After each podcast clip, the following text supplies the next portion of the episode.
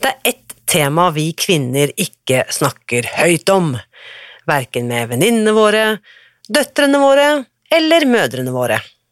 I dagens episode skal vi utforske et av kroppens siste tabuer, nemlig overgangsalderen.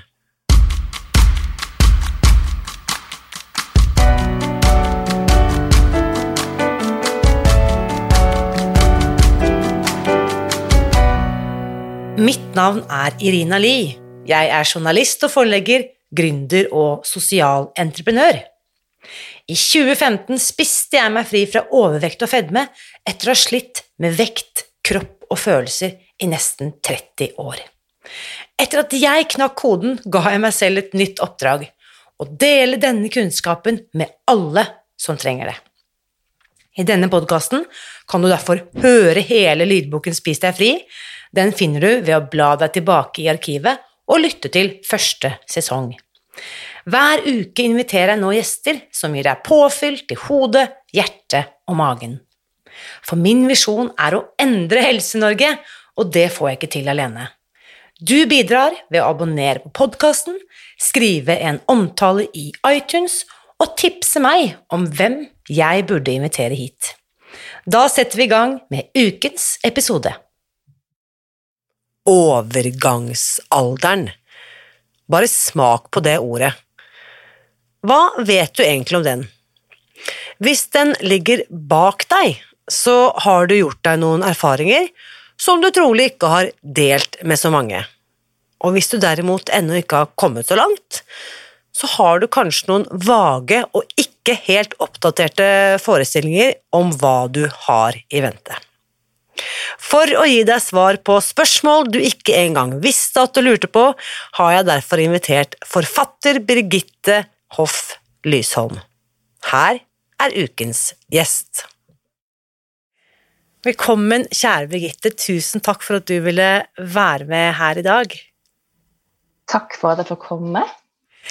Du, før vi setter i gang med eh, dagens eh, episode, så må jo vi da eh, avsløre at selv om vi nå ser hverandre på Zoom, så har jo du og jeg, Birgitte, kjent hverandre i mange år. Ja, fra vi var veldig unge og ikke tenkte på overgangsalder i det hele tatt. Ikke sant? Kan vi vel si. Ja. ja, eh, vi er tilbake midt på 90-tallet. Vi er i Bergen, din hjemby, og holdt jeg på å si min favorittby, hvor vi begge to var unge og lovende og jobbet som journalister i Bergensavisen. Eh, og som du var inne på, eh, lenge før noen av oss tenkte på det middelaldrende livet. Fordi det er jo dagens tema. Du, for et par år siden så skrev du eh, rett og slett en bok, en guide til overgangsalderen, som heter Heit. Eh, og det er jo dagens tema. Så må jeg bare si, for du har jo bakgrunn som journalist og har skrevet bok, og det er jo for så vidt min bakgrunn òg, så ingen av oss er medisinsk personell. Vi har ikke helsefaglig utdanning, vi driver ikke og gir medisinske råd, selv om det vi skal snakke om i dag, selvsagt handler om kropp og helse, og særlig kvinnehelse, da. Så det jo Det er viktig å ha med en sånn disclaimer, ikke sant? Hvis ikke så ja, ikke spør meg, for jeg kommer til å svare, eh, og det skal jeg ikke gjøre.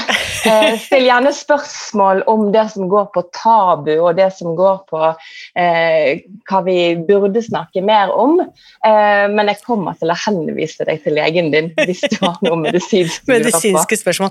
Og det er, jo, um, det er jo det som er litt sånn, det opplever jeg også veldig ofte, ikke sant? at jeg jeg kan jo mene og tro og tenke, og jeg føler også at jeg vet veldig mye om hvordan f.eks. kosthold påvirker helsen, men jeg kan jo ikke, i og med at jeg ikke er medisinskfaglig utdannet, så kan ikke jeg komme og påstå noe som helst, for det blir jo eh, Må alltid understreke at dette er erfaring jeg kan dele, eh, jeg kan ikke gi deg noen medisinske råd. Men uansett, så eh, du er noen år yngre enn meg. Du er jo i begynnelsen av 40-årene. Hvor gammel er du nå, Birgitte? Eh, nå er jeg 43, men når jeg begynte å jobbe med denne boken, så var jeg 39. Ja, ikke sant? Um, og da blir jo jeg nysgjerrig på hvorfor skrev du boken Hvorfor skrev du denne guiden til overgangsalderen? Den skrev jeg i ren provokasjon. Um, jeg var forbanna. Ehm, da hadde jeg jobbet som journalist siden jeg var 18. Eh, I 20 år nesten så hadde jeg jobbet mye med kvinnehelse. Eh, skrevet veldig mye for dameblad, og eh, foreldre og barn hadde jobbet i flere år. Og følte at jeg var en del av en generasjon som var veldig opplyst når det kom til kvinnehelse. Jeg hadde intervjuet både fagfolk og vanlige folk om alle faser av livet. Um, og så oppdaget jeg at jeg manglet en. Uh, og jeg oppdaget at jeg manglet kunnskap om den fasen. Hadde liksom dekket alt fra, alt fra pubertet til, uh, til uønsket barnløshet, til svangerskap og alt som har med fødsel og foreldreskap å gjøre, og samliv og alt sånt fysisk og psykisk da, som møter deg gjennom et liv. Um, og så ble jeg 39, og så kjente jeg at nå var det noe som ikke stemte i min egen kropp. Jeg kjente ikke meg helt igjen. Eh, og søkte selvfølgelig til Google, som man gjør, eh, og fikk da kreft og overgangsalder ja. til svar. Når jeg da søkte på de, de litt sånn diffuse symptomene mine. sant? Um, og da, eh, noe, av det som, det, noe av det jeg kom over da, det var sånn i forbindelse med overgangsalder. Snakk med moren din om hvordan, når dette inntraff, og hvordan hun opplevde det. Eh, og mamma og jeg har alltid hatt en veldig åpen tone, eh, og har egentlig kunnet snakke om alt. Men når jeg spurte hun hvor gammel var du når du kom i overgangsalderen? Så tenkte hun seg om litt, og så sier hun eh, ja, jeg var jo veldig tidlig. Ja, jeg var vel akkurat like gammel som du er nå. Og det var de ti jævligste årene i mitt liv. Oh, så var det sånn dobbelt sjokk. sant? For det første, ok, du var, du var uvanlig ung. Eh, du var like gammel som jeg er nå, og likevel så har du ikke fortalt meg om det. Eh, du har ikke forberedt meg på det. og da hadde Jeg jeg har tre døtre, eh, og da var de på vei inn i puberteten. Og jeg sammenlignet det med at jeg ville jo aldri ha sendt mine døtre inn i puberteten uten å forberede dem på at en dag så kommer det til å oppdage blod. Mm, mm. altså, vi forbereder døtrene våre på det. Eh, sånn at ikke de skal våkne en dag og tro at de er dødssyke. Um, og så manglet jeg den Altså, jeg fikk aldri den forberedelsen sjøl. Eh, og når mamma i tillegg eh, beskriver det som de ti jævligste årene i hennes liv, så hadde jeg forventet mer. Eh, ja. Så jeg ble, jeg ble, faktisk jeg ble, jeg ble sint på, på hun. Og jeg ble sint på eldre venninner som heller ikke hadde snakket om det. Jo, og dette bringer meg jo til, til to veldig eh, viktige spørsmål som jeg har undret meg over selv. Hvorfor er det sånn, og jeg må komme tilbake til mor-datter-relasjonen etterpå, men hvorfor er det sånn at dette fortsatt er et tabubelagt tema? Hvorfor er det sånn at dette ikke er noe vi kan snakke om rundt liksom når vi møtes på venninnekveld? Altså, Jeg har tatt utgangspunkt i at det er et tabutema, eh, og det blir jeg ofte konfrontert med. Gjerne av en, sånn en halv til en generasjon over meg, eh, som da sier at nei, men dette er ikke tabu, og dette kan jeg snakke med mine venninner om. Men da er vi gjerne over på andre siden. da, har vi, da har vi kommet oss igjennom, og så har vi noe konkret. Vi har noe håndfast. Vi har hetetokter eh, som vi har identifisert. Eh, og vi har noen veldig sånn, konkrete plager som vi kan enes om at er en del av overgangsalderen. Eh, mens alle de diffuse plagene som gjerne kan oppstå lenge før, eh, de, de, de, snakker vi ikke om, for de klarer vi ikke å identifisere. Er det litt sånn, sånn som du vet fra alle eh, populærvitenskapelige tidsskrifter, snakker ut om den vanskelige tiden? Det er et tema vi kan snakke om når det ligger bak oss, men ikke når vi ja. står midt i det. Jo, men Jeg tror det er litt sånn misforstått når vi står midt i det. Eh, for det at eh, Jeg var med i en paneldebatt her for et par år siden i, eh, i Trondheim. I Adresseavisa sine lokaler. De hadde en stor artikkelserie om overgangsalder og avsluttet med paneldebatt. Inviter, inviterte til altså, de har en storstue i Adresseavisen sine lokaler. En, eh, et auditorium med plass til 100 mennesker. Det var utsolgt. Um, og det um, Der var det en gynekolog uh, som sa det at um, det som er med overgangsalder, er at uh, den oppleves, altså veien inn i overgangsalder oppleves så forskjellig. Uh, det, det, er lett å vite når du går inn i fruktbar alder. Du får mensen. Mm. Veldig definert.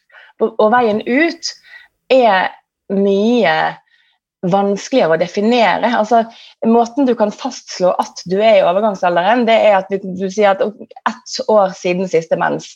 Men på veien dit så kan du ha hatt eh, mer eller mindre diffuse plager i syv til ti år. Um, og hun sier det at det eneste mine pasienter som kommer til meg med plager i overgangsalderen har til felles, er at jeg skulle ønske de kom fem år tidligere. Ja. Og da kunne jeg ha hjulpet de bedre. Men da skjønner de ikke at det er overgangsplager de har. Nettopp. Og da, de diffuse plagene, det skriver du om veldig godt utførlig i boken, men for de som ikke har lest boken ennå, boken Heit altså, um, hvilke diffuse plager er det vi da snakker om? Eh, noen blir jo bare gretten. Eh, eller sliten. Um, jeg snakket med en som sa det at, uh, at ja, alle venninnene hennes hadde kommet i overgangsalderen, men hun var nå ingen plager i det hele tatt. Uh, faktisk var alt som før. Det eneste som plaget hun i hennes liv, var at mannen var blitt irriterende. Uh, han var til og med begynt å gå irriterende, og hun hadde konfrontert ham med det. 'Må du gå så irriterende?' Og så sier han 'men jeg går sånn som jeg alltid har gått'. Og da skjønner hun at jeg kanskje jeg er litt irritabel. Eh, men noen opplever det. Andre opplever litt sånn pubertetsopprør og eh, humørsvingninger. Noen får blødningsforstyrrelser som kan være veldig plagsomme. Sant? Du får ikke mm. mensen på flere måneder, og så får du eh, rikelig mm. plutselig når det passer som, eh, som dårligst. Nattesvette. Eh, litt sånn hjernetåke. Du glemmer ord og er ukonsentrert. Eh, og så er det disse hetetoktene som det jeg tror det er vanskelig å eh, forstå helt før du opplever det sjøl. Ja, ja. Jeg har noen venninner som er eh, noen år eldre enn meg, og det er jo, jeg må nesten si at det er nesten litt sånn komisk når de sitter der og 'Å, nå kommer det!' og så bare fysisk kan du se at liksom svetten perler. Men det, det du sier, da, ikke sant, at overgangsalderen fastslås ved at det er ett år siden forrige mens, og i snitt i Norge så er dette altså på 52 år. Ja. Men da kan man ha vært liksom på vei inn eller øh, holdt på med disse greiene her i faktisk så mye som syv til ti år forut for denne snittalderen ja. på 52, da. Det vi, det vi, omtaler som overgangsalder, det er jo ofte det som er menopause. Sant? Det, siste, du har, eh, det, det siste mens. Um, men perimenopausen den begynner uh, noen år før. Så det er, uh, dette er noe vi burde snakke om det gøye er at det er lettere å snakke med eh, damer i slutten av 20-årene om dette, fordi at de er nysgjerrige på alt som venter de, enn det er å snakke med damer i slutten av 30-årene, fordi de, de, mener at dette er lenge til.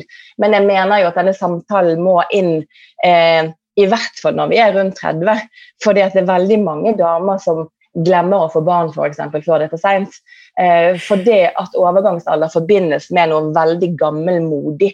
Og min bestemor var jo veldig veldig gammel når hun var 50. Jeg har sett bilder fra min egen dåp. Eh, hun var supergammel, eh, og det er jo ikke jeg. det er jo veldig lenge til jeg ser på meg sjøl som en eldre dame. Eh, så, dette, dette, er voksenlivet, sant? ikke en del av eldrelivet, så vi må snakke ja. om det mye før. Så her er bestilling til alle landets damer, uansett alder.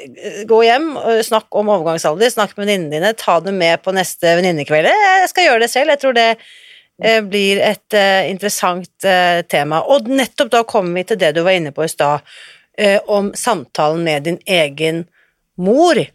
hvordan vil du si at dette påvirket mor-datter-relasjonen? Var det en hit, eller følte hun seg litt sånn Eh, at du klandret henne for å ha holdt dette for seg selv, eller har det åpnet liksom grunnen for bedre og dypere samtaler? Hvordan, hvordan påvirket det dere? Eh, denne, dette bokprosjektet har mamma opplevd som en oppreisning. Og en anerkjennelse av hvordan hun hadde det. Mm. Eh, fordi at jeg har fått lov til å bruke henne eh, i boken. Eh, og dette, det, det, har vært, det, det, har vært, veldig vanskelig for hun hele denne opplevelsen. Mye fordi at hun hadde Altså, hun var veldig tidlig, eh, og hun Altså, hun hadde nettopp uh, født uh, min yngste bror. Hun var akkurat ferdig med å amme når hun gikk til legen og sa det. 'Jeg bare griner. Jeg vet ikke hvorfor jeg bare griner.' Og hun trodde hun var deprimert, og så får hun beskjed om at du er i overgangsalderen. Og da er hun småbarnsmor, sant? Uh, så du er ikke forberedt. altså Sjokket var så enormt. Um, og ingen rundt hun var i samme fase samtidig. Uh, og det at hun bare grein, og at hun hadde sånne svære, gammeldagse eh, østrogenplaster som falt av når hun badet på ferie og måtte ha hjelp til å få tak i noe annet på et apotek i Spania altså Det ble forbundet med litt sånn Det ble ledd litt av på hennes bekostning, og hun ble aldri hun fikk aldri anerkjennelse for hvor vanskelig hun faktisk hadde det. Mm. Um, og så taklet, Når det var hennes venninner sin tur og hennes søster sin tur, så var ikke de like plaget som hun. Så det, Jeg sammenligner det litt med denne Vi damer har en tendens til å sammenligne ting. Vi sammenligner fødsler. Åh, måtte du ha epidural? Jeg fødte naturlig. Eh, og så blir det litt det samme med overgangsalder. Sånn. Nei, sånn der hormontilskudd skal ikke jeg ha. for Jeg vil ikke putte noe sånn unaturlig i kroppen min. Og så blir vi litt fordømmende, mm. og så forstår vi ikke helt hvordan andre har det. Så nei, dette har vært en oppreisning for hun, og hun har vært med meg på bokbad land og strand rundt og sittet stolt i salen. Og eh, er veldig stolt av at jeg har tatt dette oppdraget. Rett og slett. Så det har veldig, har vært veldig fint. Og det har vært eh, Jeg har opplevd at hun har snakket om ting eh, på et dypere nivå enn hun noen gang har gjort. Mm. For det har vært eh, eh hun sier at ja, Vi kan gjerne si at vi snakker om overgangsalder, men, men, det er på et veldig overfladisk plan. Det er litt mm. sånn åh, åh nei, nå kommer det igjen, nå, nå svetter jeg igjen, eller eh, Det har vært eh, lite rom for gode samtaler om psykisk helse, f.eks. Ja, Hun var helt vesentlig. Og som jeg også vet, eh, er at det blir jo også enkelte sammenhenger knyttet opp mot eh, at det ikke er helt tilfeldig at en del kvinner i denne alderen også møter på dette, denne berømmelige veggen, eller at det kan knyttes til utbrenthet, at det ikke er helt tatt ut av det blå, da, at disse tingene henger sammen, og psykisk helse ikke minst, som du er inne på. Mm.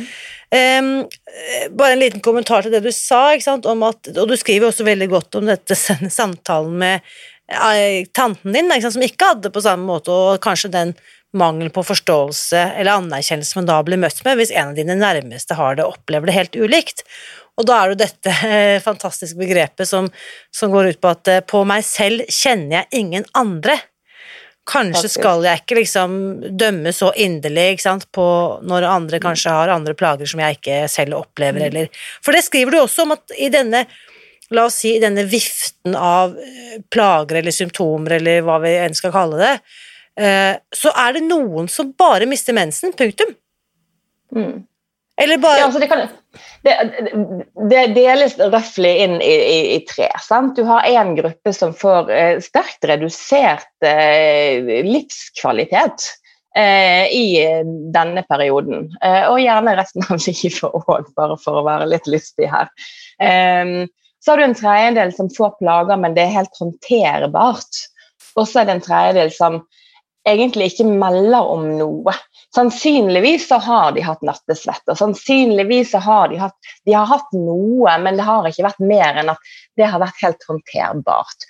Og så tror jo jeg eh, og dette er ikke vitenskapelig bevist, men det finnes jo faktisk eh, vitenskap som, som sier at, at, at eh, vet du hva som venter deg, og vet du hva som plager deg, så er det òg lettere å eh, håndtere det. Og jeg tror jo altså jeg har vært opptatt av, jeg vet jo at Forlaget mitt ønsker at flest mulig skal kjøpe de bøkene de gir ut. sant? Og så jobber jeg litt imot de der. For jeg har sagt det at eh, jeg vil at du skal lese denne boken, og så vil jeg at du skal gi den til noen du er glad i. Mm. Send den videre. Og dette skal bare være starten. Sant? Jeg håper at det, det, kan bli en sånn samtalestarter der jeg bjuder på min egen usikkerhet og, og andre damer sine erfaringer. Og så håper jeg at det kan være en inspirasjon til at vi kan snakke ordentlig om hvordan vi har det. Og så tror jeg at det kan være en hjelp i seg sjøl eh, til at vi takler denne, disse årene bedre enn vi ellers ville gjort. Mm. Jeg har, så, jeg følte meg syk, altså. Jeg, jeg, jeg bestemte Legen min henviste meg til revmatolog fordi at jeg, jeg, hadde så vondt i hele kroppen. Var, det, var, det, var, sånn ubestemmelig. sant?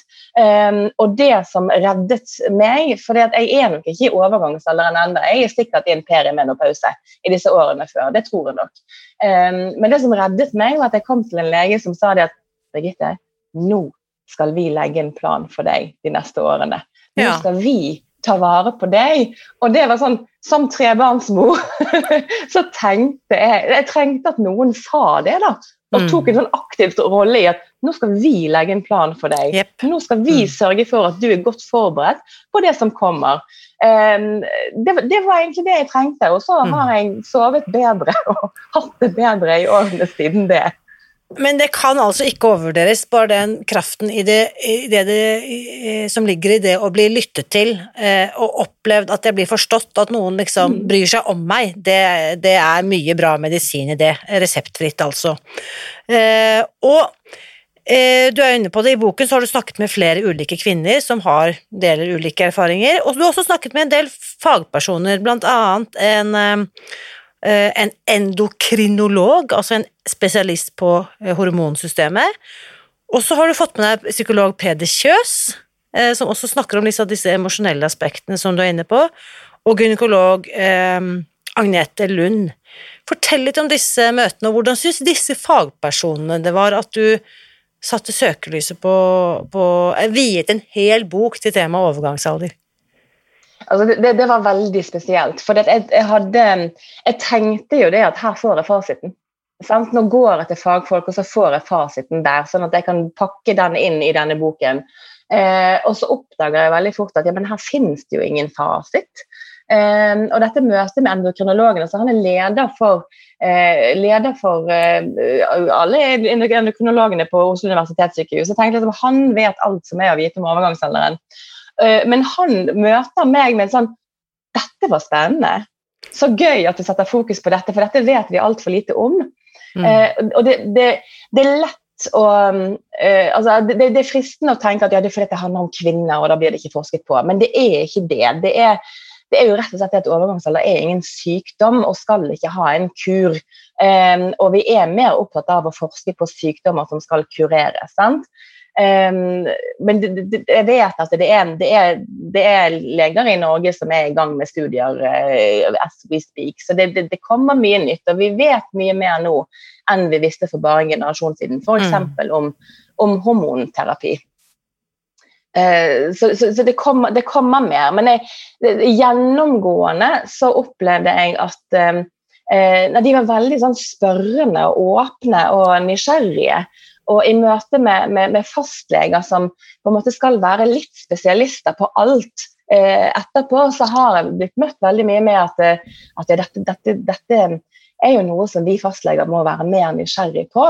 Mm. Og være mer åpne for når vi har pasienter eh, som er kvinner i denne alderen. Sant? Og mm. oftere være åpne for at de eh, ulike symptombildene vi kommer med, òg kan skyldes ja. eh, overgangsalder. Og, og, og, det er jo liksom selvfølgelig gullstandardrådet, og er du plaget eh, og lurer på hva er det som feiler meg, så er jo det beste rådet å gå Start hos fastlegen. Eh, samtidig ja, som den... du googler, gå til fastlegen eller gynekologen din. Det er jo en, en bra start. Og så det er ikke sikkert at de nødvendigvis har hele buffeen klar med løsninger, men det er i hvert fall et sted å starte. Absolutt. Og det, er, det, som er fint med den fastlegeordningen vi har, det er jo at vi skal ha tilgang på en fastlege som følger oss gjennom livet. Eh, og jeg håper jo at flere vil ta opp eh, altså ta disse samtalene med fastlegen sin, sånn at, de også, altså at flere fastleger òg må begynne å oppdatere seg mer på, mm. på dette temaet. Mm. Og så skriver du jo da i boken et helt kapittel om mannlig overgangsalder. Og her er jeg den første som rekker opp hånden og sier at dette hadde ikke jeg hørt om før. Uh, uh, og så uh, Nå vet jeg jo at det er veldig mange damer som hører på denne podkasten, men hva er det vi kvinner, og selvfølgelig menn som også hører på, da, men hva er det vi må vite om denne mannlige overgangsalderen? Det kan jo hende at det er noen menn i livet vårt som vi har lyst til å passe litt på? Hva er det vi kan knagge dette på? Eh, vi kan knagge det på overvekt i stor grad. Eh, altså det, som er, det som er med man, mannens overgangsalder, er at det, det, er, det, er ikke sånn at alle fagfolk er enige om at det skal kalles overgangsalder. For det er ikke likt som en kvinne altså Alle kvinner kommer i overgangsalder. Eh, sånn er det bare. Eh, og, men, og det skyldes jo eh, at østrogenproduksjonen går ned. Sant? Eh, men eh, har en mer sånn gradvis nedtrapping i sin testosteronproduksjon. Den starter tidligere, og det går mye saktere. Sånn at eh, Overgangsalderen for kvinner den kan, kan, jo skje litt mer brått, da. Eh, og dermed oppleves mer dramatisk. Eh, østrogen og testosteron er veldig, opptrer veldig likt i kroppen vår. Altså, østrogen er òg prestasjonsfremmende. Så når kroppen vår produserer mindre østrogen, så merker vi det på, på alt. Sant? Det er alt fra hud og hår og humør og, og yteevne og alt. Um, for menn så er eh, et fall i testosteron altså Hvis de får hvis det kommer under et visst nivå da, med testosteron, eh, så blir de sånne satte gamle menn.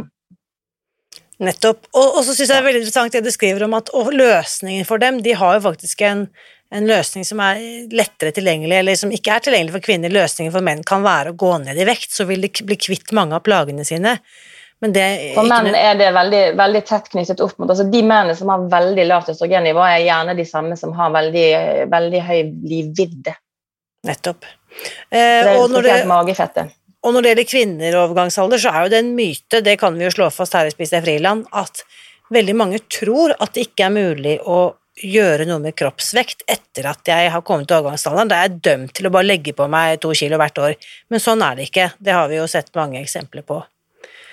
Eh, er det noen andre typ sånn øh, veldig utbredte myter som du tenker det kunne vært deilig å punktere en gang for alle?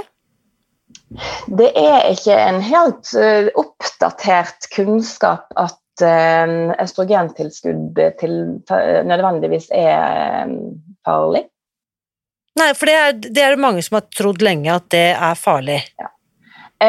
de som har jobbet med overgangsalder lenge, siden 90-tallet, de mener jo at mye av grunnen til at dette er blitt litt tabu altså Det ene er at det handler om aldring. sant? Eh, og det er et aldringstegn som kommer før vi er klar for å eldes i det hele tatt. Ehm, det andre er at på 90-tallet så ble det veldig tabubelagt å ta eh, og har vært blant de som var så dumme at de tok østrogentilskudd. Ehm, når østrogentilskudd ble lansert på 60-tallet, så ble det solgt inn som et, som et eh, som en sånn ungdomskilde. Um, reklameplakatene som hang på legekontorene, de var veldig sånn karikerte. Vil du velge denne veien og bli gammel og grå, eller vil du velge ungdomsstien, ta østrogentilskudd og bli evig ung? Um, det ble gitt uh, østrogentilskudd i veldig store doser over veldig lang tid, um, uten at det egentlig var forsket nok på hva det ville gjøre med kroppen. Og det ble gitt eh, ikke i kombinasjon med andre eh, hormoner som vi nå vet at, eh, at, eh, at, du bør ta samtidig. Eh, det var en veldig stor studie, Women's Health Initiative, som ble stoppet fordi det var så mange som fikk brystkreft midt i studien. Det ble en kjempeskandale, og det var oppslag over hele verden om dette. Eh, det var oppslag i norske aviser om eh, at norske kvinner hadde fått kreft fordi at de gikk på østrogentilskudd. Folk sluttet på dagen. Eh, og der og da så, det, så sluttet folk òg å si at de hadde tatt det. Eh, og de som fortsatte å ta det, de fortalte det ikke til noen. Så det, det har gitt oss et sånt vakuum i en generasjon, egentlig, der vi har eh, der vi ikke har våget å snakke så mye om det. For vi har måttet lide i stillhet. Sant? For det har ikke vært noe å gjøre med det. Men så har, så har jo legevitenskapen gått fremover siden da. Mm. Og eh, hormontilskuddene som gis i dag, gis i en det er andre medikamenter de gis i helt andre doser over kortere tid. Um, det er fortsatt noen som ikke skal ta, og du skal ikke ta det forebyggende. Altså, du, ikke, du, ikke, du, du, trenger ikke hormontilskudd hvis ikke du har plager, men hvis du er så plaget at du har eh, sterkt redusert livskvalitet, så er det en god idé å snakke med legen sin om dette mm. kan være et alternativ for deg. Eh, og det er jo så viktig at vi minner hverandre på at det vi visste for så lite som 5 eller 10 eller 15 år siden, er ikke nødvendigvis oppdatert kunnskap, så det er jo en superviktig påminnelse at også på dette feltet, naturlig nok, har det skjedd en, en utvikling. Det eh, mødrene våre har, altså Den fasiten mødrene våre sitter på, den er ikke nødvendigvis riktig. Nei, ikke sant. Mm. Så eh, da lurer jeg på avslutningsvis eh, Har du et godt råd til de som nå er 19, 29, 39 eller 49 eller 59 for den saks skyld, eller eh, hva, hva, Hvilke tips vil du gi oss kvinner som tenker at eh, dette med overgangsalderen syns jeg er litt vanskelig? Eh, jeg har et veldig enkelt tips. Jeg vil gi noen sånne følgertips eh, til folk som det er fint å følge på Instagram og Facebook. For det, det, det finnes så mange av de. Eh, og så vil jeg si det at eh, altså, eh, når jeg begynte å skrive denne boken min, så var det veldig veldig lenge siden det hadde vært skrevet en bok på norsk om overgangsalder. Og siden da så har det kommet flere. Så jeg tenker det at det finnes altså Uansett hvilken retning du liker å gå Liker du å gå veldig vitenskapelig til verks, så, så finnes det bøker skrevet av norske leger det siste året. Eh, liker du altså Min bok er veldig kort og veldig lett. Jeg har intervjuet veldig mange damer om ulike aspekter ved overgangsalderen. Så det er en veldig sånn enkel inngang. Eh, Eli Kari Gjengedal kom ut med, med bok eh, nå i høst eh, på nynorsk. Wenche um, Mulausten har gitt en, ut en bok som er mer sånn kulturhistorisk eh, dypdykk. Så det er noe for enhver smak. Eh, og så har vi noen eh, veldig bra internasjonale kontoer som er svære. og så har vi noen norske nye. Jeg vil nevne Menopause by Anita, som er jordmor Anita Pran i eh, i Bergen. Hun har ganske mange følgere. Menopause by Anita.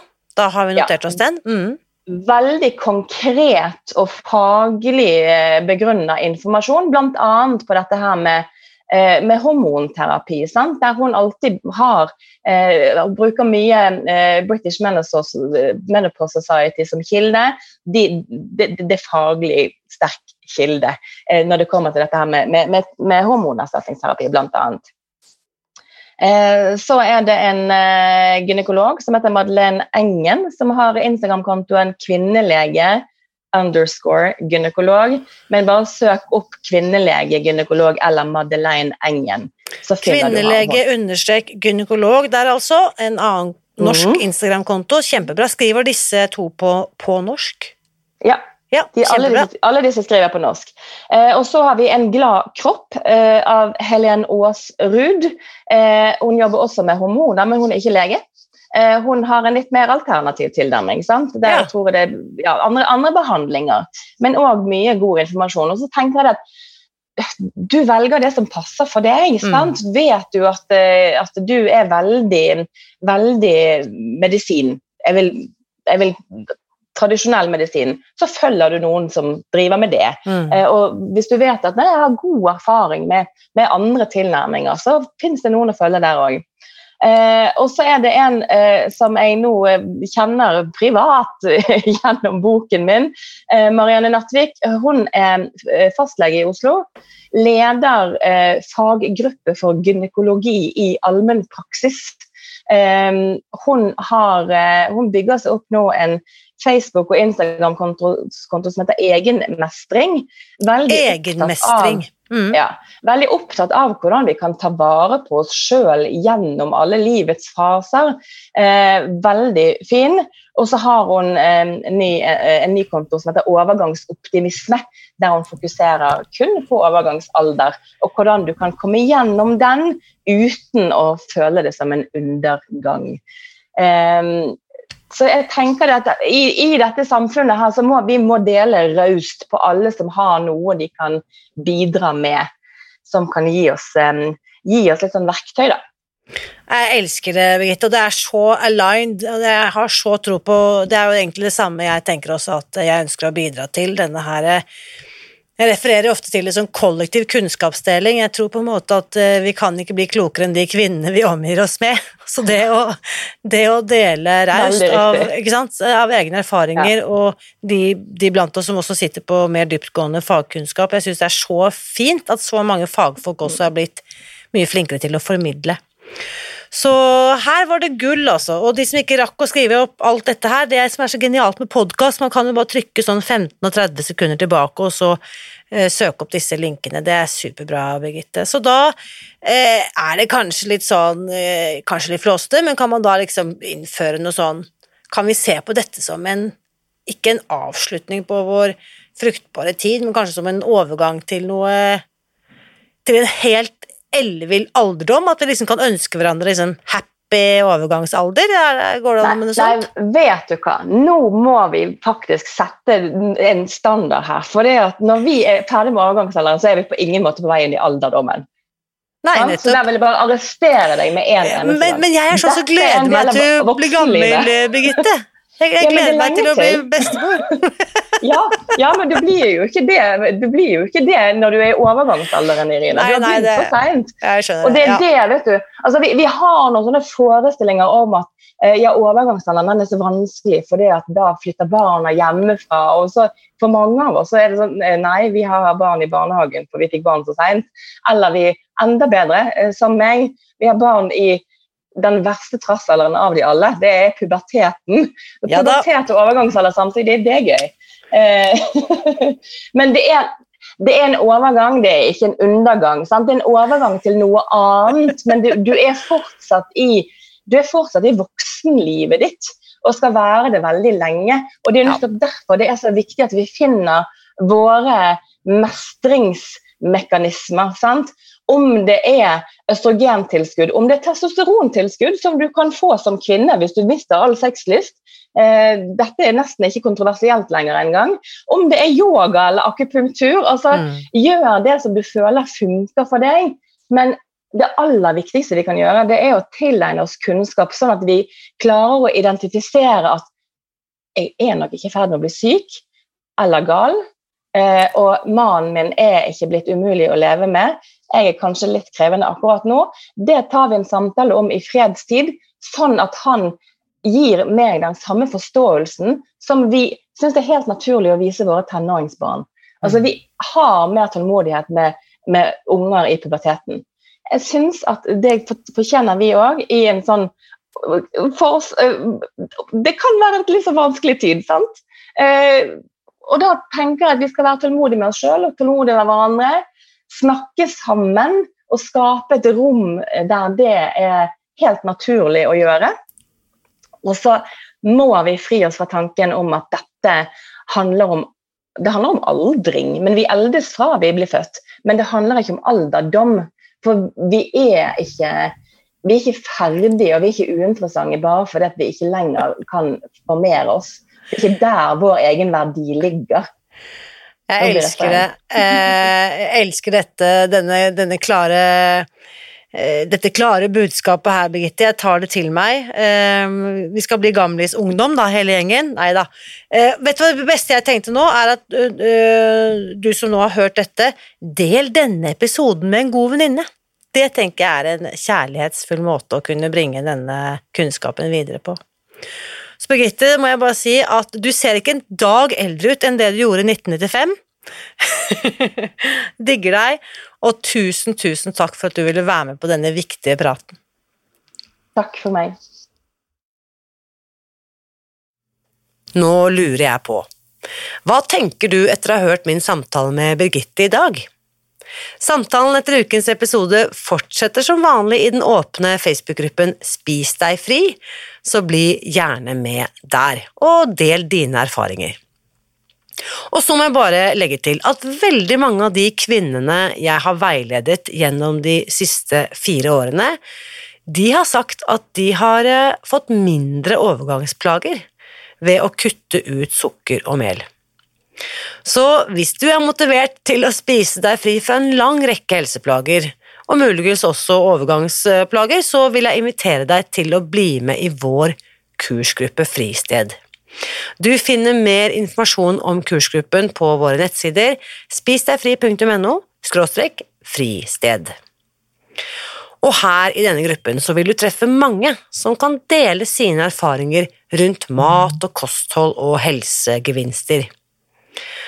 Og hvis du nå tenker at et sånt opplegg er umulig, for det høres så innmari ekstremt ut å skulle kutte ut sukker og mel, så vit at du ikke trenger å gjøre det alene.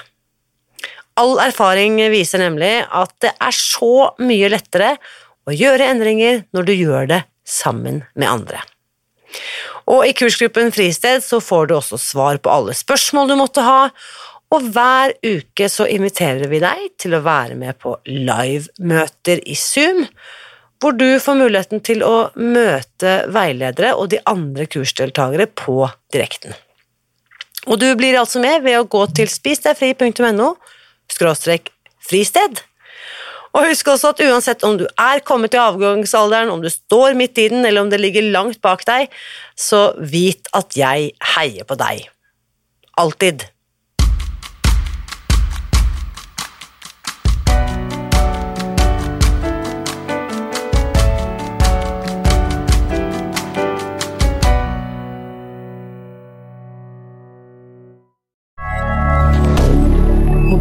Canada.